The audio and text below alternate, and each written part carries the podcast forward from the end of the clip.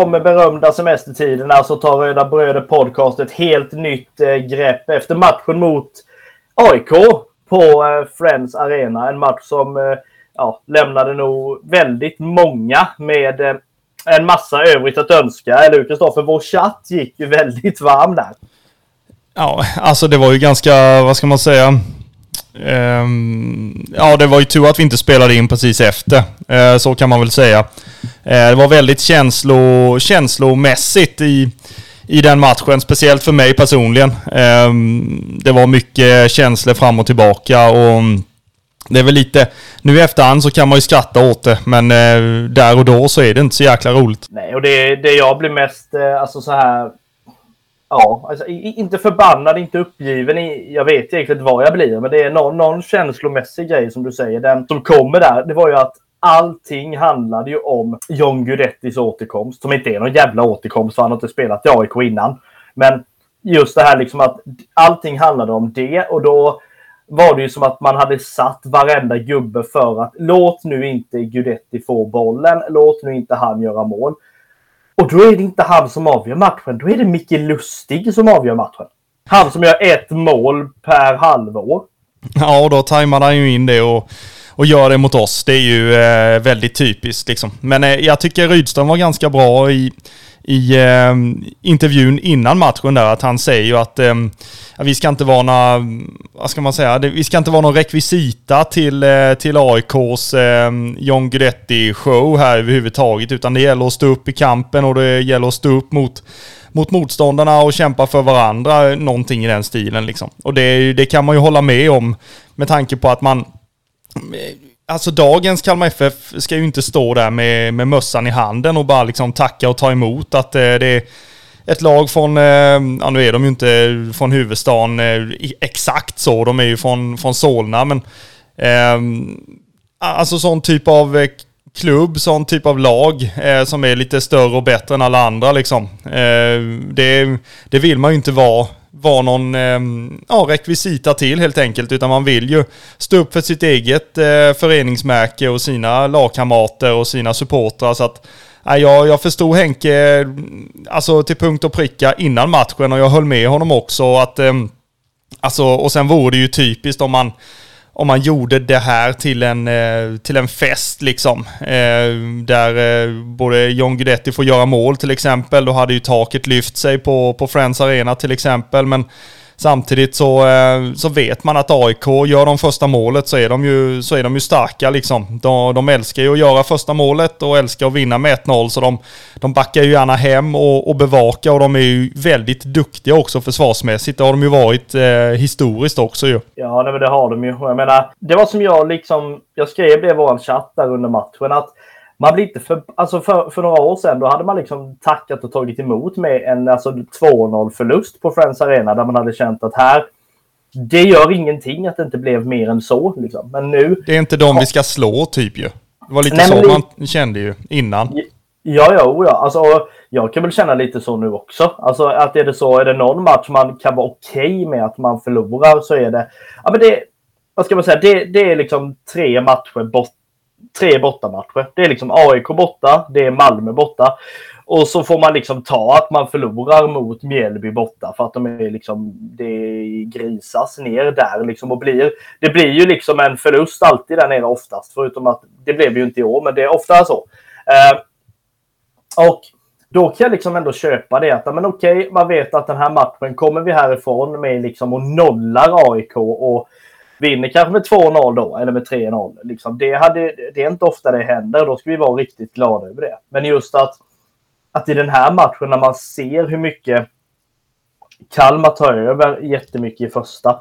Alltså det blir, man liksom spelar ju runt och man, man har ju visat det nu att nu har vi nästan mött alla lag en gång och man kan i princip spela runt alla lag. Alltså man kan spela ut alla lag på det sättet med ett bollinnehav och sen kommer det ju någon med pekpinne och säger att jo men det spelar ingen roll att man håller bollen i 90 minuter om man inte skapar chanser. Och så är det ju. Men just det här att man ändå kan komma dit och som du säger stå upp i den kampen. Att vi, vi tar inte den här skiten att ni, ni ska ha en fest som vi inte är inbjudna till. För vi ska, vi ska välta ett glas som folk fattar att det, ja, de har varit här ändå. Ja, men det är, ju, det är ju så man vill att det ska, att det ska vara. Eh, och man, man vill att ens, ens egna förening och ens egna spelare liksom ska stå för de, de känslorna och, och det som man själv som supporter har.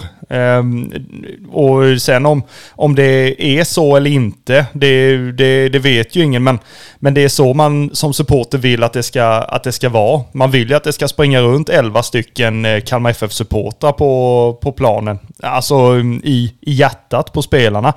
Eh, så Nej, men eh, jag tycker att vi, vi står upp väldigt bra, precis som, precis som du säger. Eh, och vi har det här bollinnehavet, vi kan trycka ner AIK eh, med hjälp av det. Sen så är det ju de som säger då, precis som du säger, jag kan ju stämma in på det också. Ja, målen står på kortsidorna. Eh, det är viktigt att eh, man spelar framåt eh, och, och, sådär. Men vi, vi skapar ju ett tryck eh, utav vårt bollinnehav som, eh, som får AIK liksom att och stänga ytorna eh, och gå lite mer på, på kontring. och, och det är ju det är så egentligen vi vill att, att, att vi ska liksom ställa upp mot, mot alla lag, eh, oavsett vad de heter eller vad de har för landslagsmeriter eller något sånt där. Jag hade ju sett fram emot att vi skulle hålla i bollen eh, ännu mer och få dem att springa ännu mer. Alltså, mm, John Guidetti skulle få springa i eh, ja, de 60 minuterna eller vad, vad det blev han spelade. De skulle han ju springa och få springa och jaga boll och jaga boll. Vi skulle ju förstöra den den festen liksom på det viset. Han skulle inte få låna bollen. Sebastian Larsson ska inte få låna bollen. Eh, Milosevic ska inte få låna bollen speciellt länge heller. Eh, de har ju duktiga spelare i alla lagdelar. Så att det är klart att man har en, en respekt för AIK. Det är klart man har det. Det har man ju för alla lag egentligen i den här serien. Med tanke på att alla kan slå alla och det är liksom ganska jämna matcher överlag och sådär. Men, men, men här så, så klart att man har respekt för det och då vill man ju att de ska få känna att mm, alltså det har gått två minuter av matchen men det känns som att det har gått 82. För att de ska få jaga bollen så kopiöst och vara helt slut i 70 minuten så vi bara kan mala på och till slut sätta vinnarmålet. Och, och det höll vi på att göra också. Alltså de får ju sitt förbaskade ledningsmål som man blir, alltså man, man blir tokig. Egentligen ju. Och, och det är inte det man är tokig på från början, utan man är tokig på att de får göra lite vad de vill inledningsvis. Jag tycker det är en klockren kapning precis i, i inledningen som är knappt är på bollen. Och det, det liksom sätts ingen, ingen nivå där, utan då är det... Alltså det är inte ens frispark typ. Och, och då börjar jag brinna redan där och tänka åh de där förbannade 08 de tror att de är någonting och de, har, de, de påverkar domaren och Sebastian Larsson är där liksom och, och eh, vad ska man säga, eh, lugna ner domaren typ att han ska hålla ner i korten. Nej men du är, alltså det är ju bara supportersnack det här. Det är ju inte någon expertutlåtande eh, ehm, överhuvudtaget. Det, det fattar ju de flesta men lite så kände jag att man är totalt eh, förbannad liksom. Och till råga på det, då kommer eh, Lustigs eh, ledningsmål. Så man blir ännu mer förbannad. Så, mm, nej. Men sen Isak Jansson vaknar ju till där ju. Och har en riktigt fin chans att kvittera precis efter. Så att lite hopp hade man ju direkt så. Ja, men det hade man ju absolut. Och jag menar, jag kan väl hålla med dig om att Alltså att se AIK spela fotboll, visst det kan vara roligt sådär för de, de spelar ändå ganska underhållande fotboll så. Men problemet är att den är det, det, är väl det som vi stör oss så mycket på, vi som inte är AIK-are.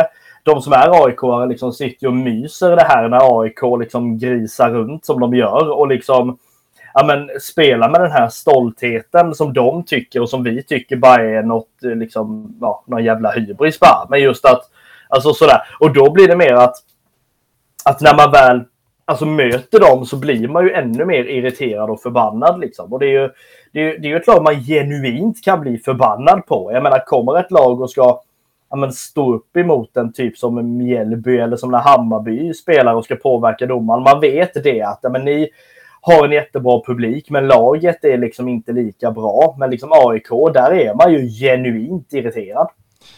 Ja, och, och de, de aik som lyssnar på det här, de, de älskar ju säkert mitt gnäll här som jag höll i en och en halv minut utan att, utan att ha någon som helst kommatecken i, i den... Eh, Vad sa bondjäveln? Ja, precis. Så här, ja men låt han gråta, låt han gnälla sådär liksom. Men, men det är ju lite så som... Eh, Alltså storlag överlag har ju den eh, mentaliteten att man är... Man har det här självförtroendet. Eh, och det kan man ju som, som supporter till ett litet... Eh, alltså mindre förening på det viset eh, blir lite avundsjuk på om du fattar vad jag menar. Alltså man blir lite sådär, ja men de kan hålla på och det är sådär och bla bla bla och det är många som eh, snackar om att AIK är är förbundets lag. Eh, till, till och med man tar i från de tårna. Så långt vill väl inte jag sträcka mig helt så, men, men, men jag kan förstå lite sådär att man... Alltså AIK, de kallar sig i alla fall eh, Testa Störpodden. De, de har ju i sin trailer där att det är eh, en podd om Sveriges mäktigaste klubb och det, det säger ju väldigt mycket om, om den mentaliteten och om den självbilden som man har.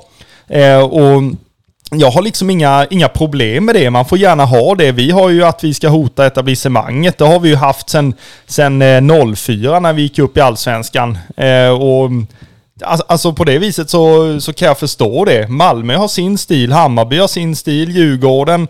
Alltså man kan ju rabbla upp hur många som helst som, som har den stilen på något vis. Och mm, ja, alltså vi vill väl ha den men samtidigt så vill vi vara den här uppstickan så att man är lite ja, man är lite schizofren eh, på det viset. Jag vet inte riktigt.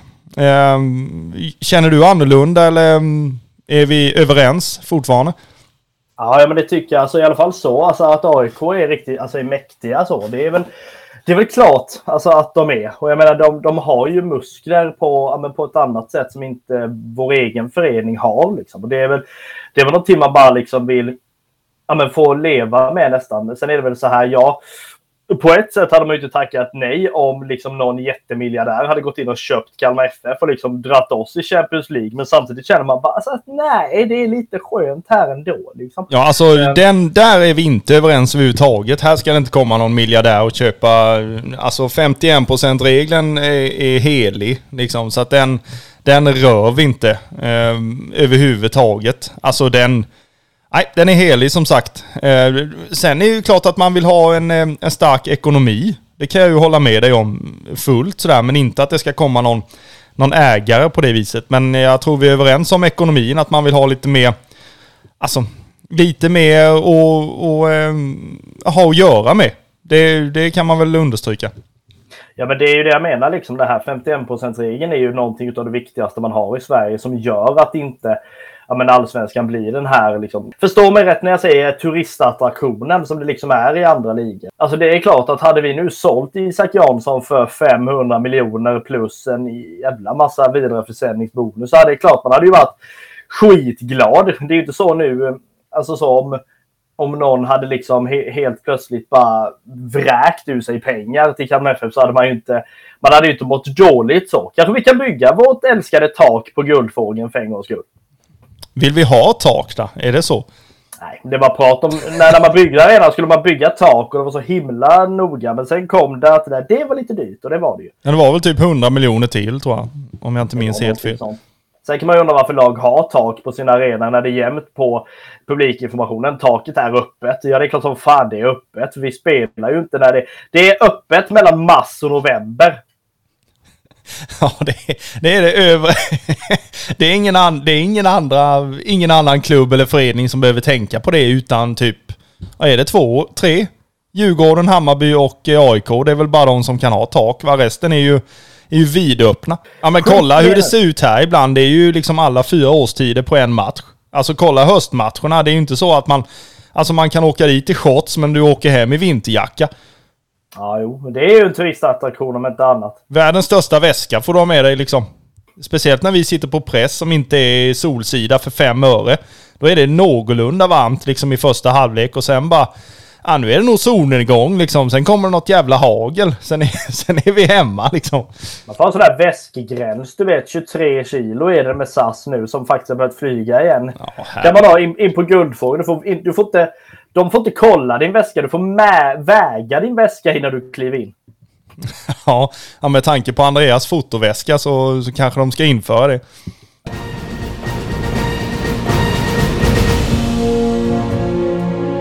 Men om vi, om vi skiter lite i det då, liksom den här matchen. Man blir ju ändå för... man blir ju förbannad. Vi kan ju kortfatta det så liksom att det man blir irriterad, förbannad och just att som jag kände att matchen har två helt olika ansikten samtidigt. Det är att man spelar väldigt bra i första ändå, trots att man inte får det här med sig. Eh, Isak Janssons jättekanon som egentligen bara hade kunnat gå in också. Eh, en annan liksom, situation i andra halvlek där liksom Nordfeldt ändå visar varför han är väldigt bra. Men just när man märker det att i andra halvlek är det som att Jelak hade liksom smackat upp AIK-arna och sagt det att hörru du, nu är det så här. Vi spelar på hemmaplan för typ 25 000. Nu bör vi vakna och det gjorde ju de i, i liksom andra halvlek. Så jag tycker inte man var särskilt. Man var inte särskilt nära heller. Eh, alltså att, att ens liksom komma. Att ens komma in på eh, AIK i denna matchen överhuvudtaget. Liksom. Ja, men alltså 1-1 eller oavgjort kan väl jag tycka är, hade varit eh, fullt rättvist resultat. Eh, med tanke på att vi, vi skapar en en eh, Isak Jansson-chans. Vi har eh, ett eh, tryck på dem. Vi har... Ehm, Pappa Diouf har ju ett jätteläge. Alltså jag, jag jublade ju innan han sköt liksom. Jag tänkte den här går in och det blir en, ehm, en drömåterkomst för Pappa Diouf. Och ehm, ja, sen så försvann ju det hoppet direkt efter han hade skjutit. Men Eh, med tanke på att Nordfeldt får återigen göra en, en eh, fin parad. Ehm, så att, alltså jag tycker väl ett oavgjort resultat hade jag inte eh, tackat nej till där uppe. Ehm, givetvis vill man ha tre poäng och givetvis vill man att de här chanserna man har ska sitta. Ehm, så att vi hade åkt därifrån med 2-1. Det hade ju varit kanon liksom. men men ett eh, oavgjort resultat, eh, det hade jag ju tyckt att eh, det hade varit fullt rättvist. Sen får ju folk säga vad de vill, men jag är ju rödvitfärgad så in i själen alltså. Så att eh, hade vi förlorat med, med liksom eh, 5-0 så hade jag väl tyckt att eh, jo, men eh, vi hade nog kunnat eh, sådär. Ja, ni fattar vad jag menar. Men, men eh, oavgjort i alla fall sammanfattningsvis. Ja, nej men alltså grejen är där är väl också, man kan ju prata om hur orättvist saker och ting är. Jag menar, nu, nu, är, nu är inte jag särskilt liksom så här inne i i det som kallas för ja, men expected goals eller någonting sånt här. Men när till och med den statistiken visar att är det någonting som liksom är orättvist så är det att Kalmar skapar så pass mycket för att man det ska vara mål men så sätter man ju dem inte. Då kan man ju antingen prata om orättvisa eller att skärpan är åt skogen. Liksom. Ja men jag tycker man gör en bra match alltså. Det, det, är inte... Alltså jag tycker att det, alltså det är sista tredjedelen som är osynkad i denna matchen. Annars så tycker jag att eh, man, man gör en fullt eh, godkänd match. Alltså när man...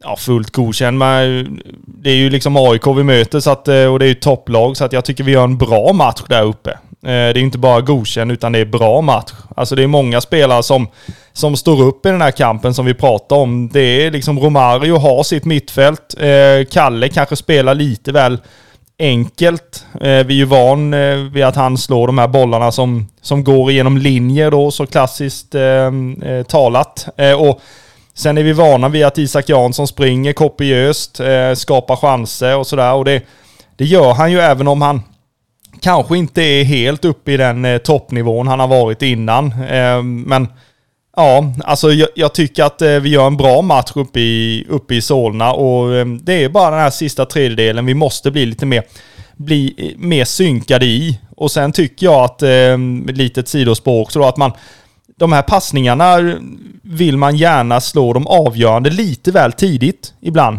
Ibland så kanske man har det här i huvudet att ja, nu har vi haft bollen länge. Eh, nu vill jag slå en avgörande passning. När man kanske hade kunnat behålla bollinnehavet för en gångs skull. Det är ju lite... Hade de slått eh, en enkel passning så hade man velat se en rak passning. Hade, man, eh, hade de slått den här raka passningen vill man se en enkel passning. Alltså det är ju lite... Supportrar är ju inte... Alltså vi, alla supportrar är ju inte fotbollshjärnor som fattar alla vinklar och alltihopa och sådär. Utan man, man går ju mycket på känsla liksom. Och det, det är väl så så det ska vara också. Alla kan ju inte vara experter. En del får ju vara lite som, som oss, som, som går lite på, på känsla. Eh, men eh, ja, alltså det är väl det enda i så fall. Får vi till det och eh, Oliver Berg får göra sitt hattrick då till exempel, så då är vi nog ehm, igång på allvar. Ja, det tror jag. Och det här med fotbollshjärnor är ju intressant. Det märker man att folk inte är när Sjöstedt får bollen 35 meter från mål och folk skriker skjut unisont. Ja, men då har jag en grej då. Ehm, jävla hoppande i den här podden, men det får folk ta idag. Jag är lite, lite på gång nu. Det är första semestervecka. Eh, men jag var på träningen nu eh, idag, eh, kvart över elva.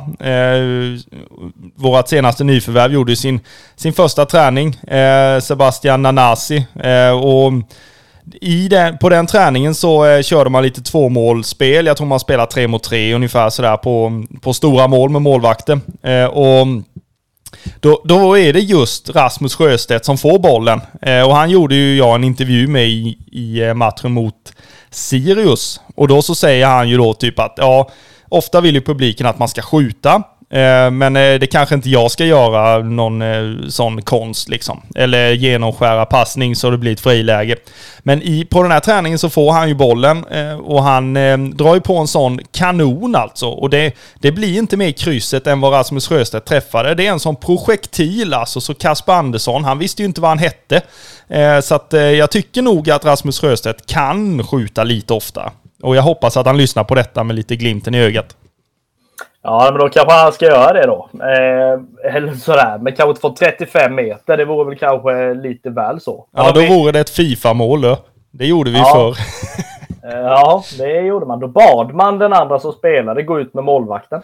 Precis. För att vara så, för att vara så smart som möjligt. Nej, men om vi, om vi knyter ihop att lite kring AIK-matchen då så är det ju så att eh, eh, bland annat då så är det ju allsvensk debut Eh, för eh, Bjerkebo, som han då heter, eh, den här nya spelaren vi har fått. Samtidigt så är det ju så att Diouf gör ju sin eh, comeback, får ju inte jättemycket minuter, alltså eh, ändå. Liksom så. Det går ju inte att rätta ut särskilt mycket där. Men förhoppningsvis är det ju så att båda två kan spela och kommer att spela i matchen som kommer i helgen när vi möter Elfsborg. Men för att knyta ihop matchen totalt så har vi ju våra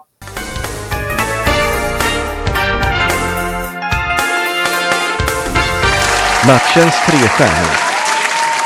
Matchens tre stjärnor som sagt, där vi delar ut en stjärna, två stjärnor, tre stjärnor. Och den som får den lilla stjärnan, om vi ska vara sån, är ju Romario.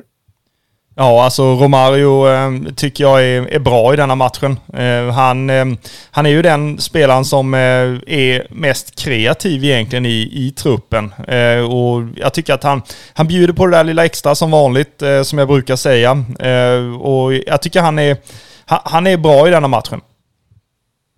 Absolut. Den som får två stjärnor är ju han som i princip prenumererar på listan över matchens tre stjärnor. Det är ju Ricardo Friedrich. Tycker inte man kan lasta han för målet på det sättet. Det är alltid så att någonting har gått snett till när det blir mål. Det är inte konstig, konstigare än så. Men att eh, just sätta han på den eh, på det målet, det tycker jag är lite väl orättvist faktiskt. Bollen måste kunna komma bort tidigare än, än eh, så faktiskt för att Micke Lustig ska kunna få det här läget att skjuta. Så på andra plats Ricardo Friedrich, den som kammar hem de tre stjärnorna då. Eh, kanske sista gången han är med på denna lista. Det vet man ju inte hur eh, nyhetsuppdateringarna eh, ser ut. Men Isak Jansson. Ja, jag tycker att han är närmast att, att bli målskytt eh, i denna matchen. Han, eh, han springer och han jobbar och sliter, eh, gör mycket det tysta. Men eh, alltså det, det har ju inte...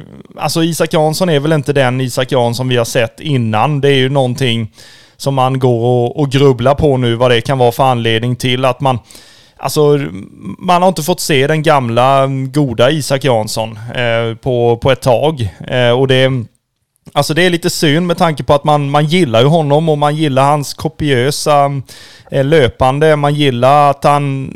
Alltså det händer ju någonting så fort Isak Jansson får bollen egentligen. Eh, han gillar att utmana, han gillar att, att eh, sticka djupled, han är duktig i straffområdet. Så Ehm, men jag tycker att han är, han är närmast att, bli målskytt. Ehm, lite före pappa Diouf där, med tanke på att Isak Jansson fick betydligt mer speltid. Ehm, så nej, men det, vi får se om det är sista gången. Annars så tycker jag att han är, att han är värd alla tre stjärnorna. Absolut. Vi eh, går väl vidare där till eh, vår eh, lilla andra punkt som då heter matchens frågetecken. Och här vill vi ju ja, men ändå rita ett litet frågetecken över bänken som var mot AIK. Johan Stenmark inte på plats på bänken. Ingen försvarsspelare på bänken. Nej, och jag vet inte riktigt. Eh, alltså, jag har inte sett någon information. Eh, det är säkert någon som har det, men jag har inte sett någon information om varför inte eh, Johan Stenmark fanns på, eh, på bänken. Eh, och sen så fanns det ju ingen försvarsspelare överhuvudtaget. Eh, och det Erik Isaksson är väl den som är närmast att vara försvarsspelare i, i, eh, ja, i matchtruppen helt enkelt där. Så att, eh, om man jämför med, med startspelarna givetvis. Eh, så är det ett litet frågetecken tycker jag att man inte hade någon försvarsspelare på bänken. Eh, och dessutom, vad var eh, Johan Stenmark? Eh, han spelade U21-matchen här nu sist ju mot Halmstad. Eh, så att, alltså, men jag har inte sett någon information så därför så, så är det ett litet frågetecken. Så folk får gärna hjälpa mig i så fall. Jajamän. Eh, matchens frågetecken alltså. När, vad var Johan Stenmark och varför ingen försvarsspelare på bänken? Vi eh, lämnar matchen mot AIK där och eh, går väl vidare till eh, matchen som kommer under söndag.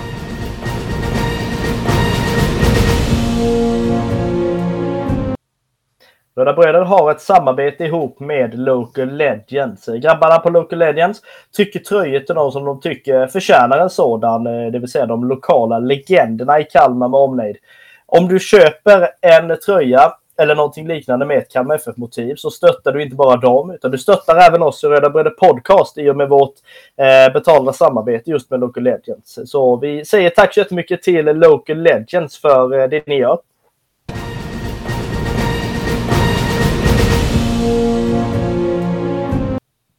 Vi vill samtidigt slå ett eh, rejält stort slag för eh, vår egen webbshop, det vill säga eh, vår spreadshop med Röda Bröder-artiklar. Vi har just nu, vad är det, tre tröjor tror jag det är, som, eller tre stycken motiv som ligger ute. Vi kommer ha ett fjärde motiv nu när det här släpps.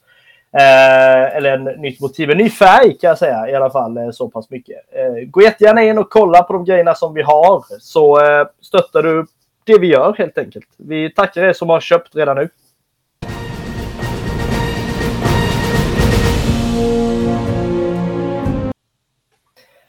Vi kliver in i segmentet inför Elfsborg hemma. Det är ju på söndag klockan 17.30 så möter man ju Elfsborg hemma på Guldfågeln Arena. Just idag 4000 biljetter sålda. Kan ju bli, brukar bli liksom lite mer folk ändå sådär. Och det är ju ett Elfsborg som är ganska svårberäkneliga.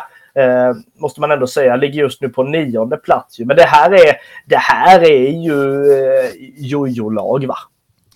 Ja, alltså denna säsongen kan jag väl tycka det. Eh, jag tycker att eh, man brukar väl eh, läsa och höra mycket mer om Elfsborg än vad man har gjort denna säsongen.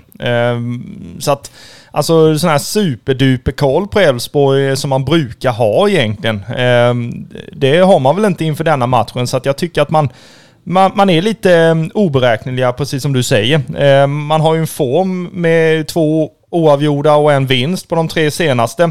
1-1 eh, mot eh, Elfsborg, eh, eller 1-1 mot Häcken ska jag säga, borta.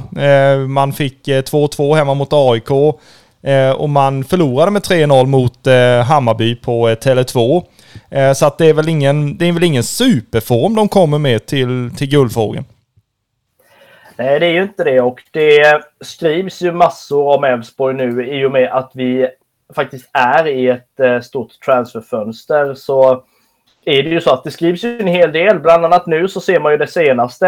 Eh, förlusten kanske det är just spelarmässigt, men en vinst i liksom plånboken för eh, Boråslaget Elfsborg. När Oliver Sandén, vänsterbacken där som har gjort det väldigt bra under eh, vårsäsongen i alla fall, lämnar då för eh, eh Toulouse i eh, franska högsta ligan. Det pratas om att det är en av de största försäljningarna någonsin för en vänsterback i allsvenskan när Elfsborg får mellan 16 och 20 miljoner faktiskt. Ja, alltså de, är historiskt sett så är de ju väldigt duktiga i, i Borås och Elfsborg eh, på att göra spelaraffärer helt enkelt. Eh, Andreasson heter väl sportchefen där. Han har ju varit där sedan tidernas begynnelse. Eh, så, och han har gjort en, en rad spelarförsäljningar och spelarköp som har varit eh, väldigt lyckade för Elfsborg och gått i, i liksom den den trå, eh, röda tråden, eller vad man ska säga, som den föreningen har. Eh, och brukar ju passa ypperligt i, i spelsystemet och sådär. Som de jobbar ju de jobbar ju väldigt klokt i Elfsborg eh, historiskt sett. Så att eh, det här förvånar mig inte överhuvudtaget att man, att man gör en försäljning på, på eh, en spelare i, eh, i den kalibern då eh, ekonomiskt. Nej, och man plockar ju även hem eh, lite folk nu då. Eh, alla ska hem som det nu då heter eh, under, under i alla fall sommarfönstren. Eh, där man då liksom väljer att plocka hem Sebastian Holmén. Eh, som faktiskt gjorde det väldigt bra under sin tid i Elfsborg och nu då eh, kommer tillbaka efter spel i utlandet. Vi har ju valt en faktiskt fokusspelare i Elfsborg som då är Johan Larsson inför denna matchen. Det är ju kapten, härförare, betyder mycket, men kan ju även också göra mål någon gång ibland. Ja, eh, Johan Larsson är ju väldigt älskad i Elfsborg eh, och det, det, förstår man. Eh, kanske inte eh, med våra ögon sett så med tanke på att eh, eh, han är en spelare som eh, står upp för sitt, för sitt lag. Eh, han är härförare, han är eh, kapten. Eh, vi kommer ju ihåg eh, om det var 2021 va, då vi spelade på Borås Arena i inledningen av säsongen och eh, Sebastian Ring blir inblandad i någon eh, situation och då det är ju inte ens med, med Johan Larsson från början tror inte jag, men Johan Larsson kommer ju på som andra eller tredje gubbe där och och eh, ja, inte kör över Sebastian Ring, men det är ju en, en eh, markering i alla fall att eh, kom inte till Borås och, eh, och behandla min lagkamrat på det viset då som han tyckte att Sebastian Ring gjorde då. Eh, så att han, han, är väl en, en, spelare som man älskar att ha i sitt eget lag, men som motståndarna kanske inte har så jättemycket till övers för. Eh, som vår eh, huvudtränare till exempel när han var aktiv så var det inte många som, som kanske älskade honom i, i motståndarlagen och motståndarsupportrarna eh, på det viset som, som vi älskar honom och älskade honom då också. Nej men verkligen så. Eh, tittar man lite kring eh, alltså Elfsborgs offensiv så är den ju inte helt eh, jättehundra måste vi ju inte säga. Även om Rasmus Alm då är bästa målskytt med fem mål. Eh, det känns ju som att om vi ska prata lite saker som man känner kring Elfsborg sådär generellt. Det är ju ofta ett lag som det blir ganska roligt att möta. Eh, alltså det blir roliga matcher, ofta blir det mycket mål med. Även om liksom Elfsborg känns som att de har allsvenskans absolut tråkigaste tränare, det vill säga eh, Jimmy Tillin. Han är säkert inte tråkig så här generellt. Ja, men känslan kanske är lite så kring, eh, kring Jimmy Thulin. Eh, han är, alltså som jag ser han så är han ju väldigt, vi pratade fotbollshjärna innan och, och jag tycker väl att Jimmy Thulin är det. Han är väldigt duktig, han fick mycket kritik i inledningen när han, när han kom till Elfsborg, att det kanske inte satte sig med en gång. men men sen så har det ju växt och, och blivit bättre och mm, sen var de ju ett, ett topplag, eh, tycker jag i alla fall, eh, som man, man hade respekt för. Eh, och nu så ligger man väl inte sådär jättehögt upp i tabellen, men man vet att eh, Jimmy Tillin är en duktig tränare och han kan eh, hitta botemedel mot, eh, mot det och, och vilja ta upp eh, Elfsborg en bit upp i tabellen. Eh, man har spelare i truppen som man som man eh, tror mycket på och som är duktiga, som har eh, lång erfarenhet. Eh, det finns ju profiler som eh, till exempel Per Frick som vi brukar prata om här i denna podden eh, och kanske speciellt du som, som hade velat se han på, på topp i, i vårt lag. Eh, varenda transferfönster får man ju höra om, om Per Frick, att han skulle passa så fruktansvärt bra här eh, och jag är väl lite mer, lite mer tveksam så, men du är ju Eh, ja, du gillar ju den spelstilen som, eh, som Per Frick har och det, ja, passa in eller passa inte in. Eh, han är en profil i alla fall som, som kan det här med att peta in en och annan boll. Ja, nej, men verkligen. Och sen även om, om det här liksom Alltså Per Frick är ju ändå en spelare som jag tror... Han hade på något sätt, alltså om jag ska säga så här, passat och passat. Det är väl, det är väl kanske inte det. Det är väl mer liksom att vi har sån avsaknad av liksom rejäla strikers i liksom Kalmar FF på det sättet. Så att just en sån spelare tror jag vi hade behövt. Och kanske just då med, med Per Frick, där liksom en kille som är bra både på huvudet, vad man har sett. Det är liksom en kille i djupled, han kan skjuta. Det är liksom... Det känns som att det är liksom en, en, en allt-i-allo-spelare nästan sådär. Um, men om vi tittar lite kring hur vi tänker matchen då på söndag. Det kommer bli intressant bland annat. Eh, framförallt om man, om man gör en lika bra match som man gjorde mot AIK senast. Men man är ju trivsamma hemma på Guldfågeln. Det är väl mer där som motståndarna bör se upp med en ju.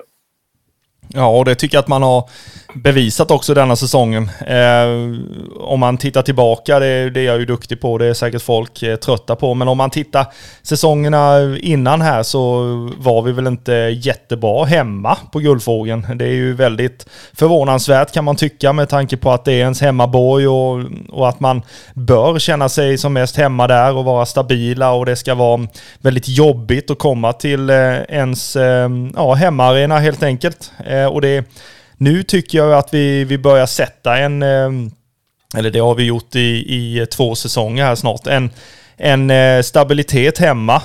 Att tillsammans med, med supportrarna så, så gör vi bra insatser.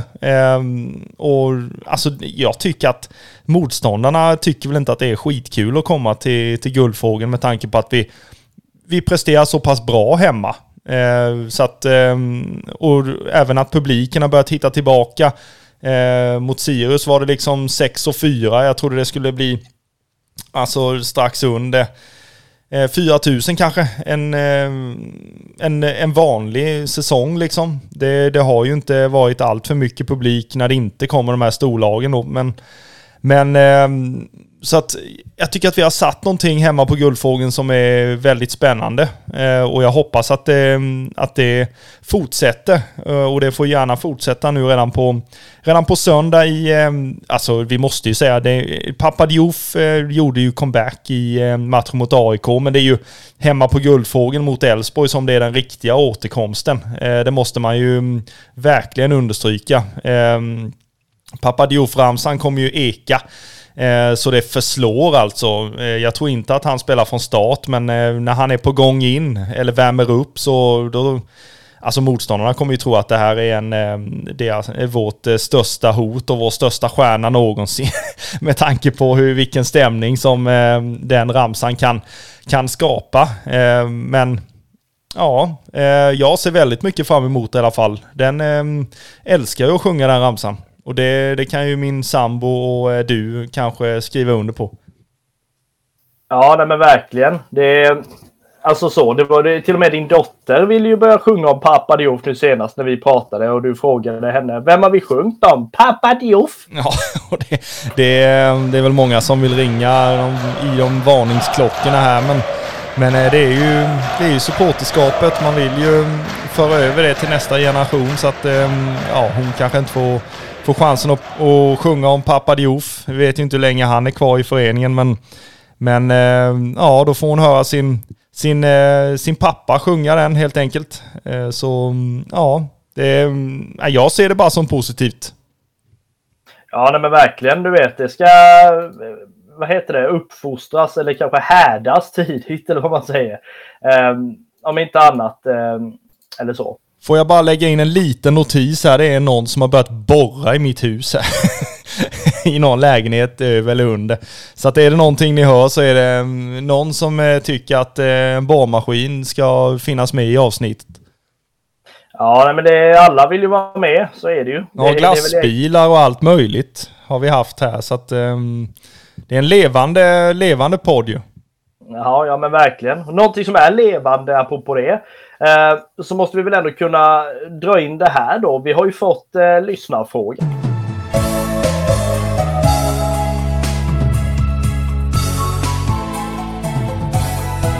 Lyssnarfrågor.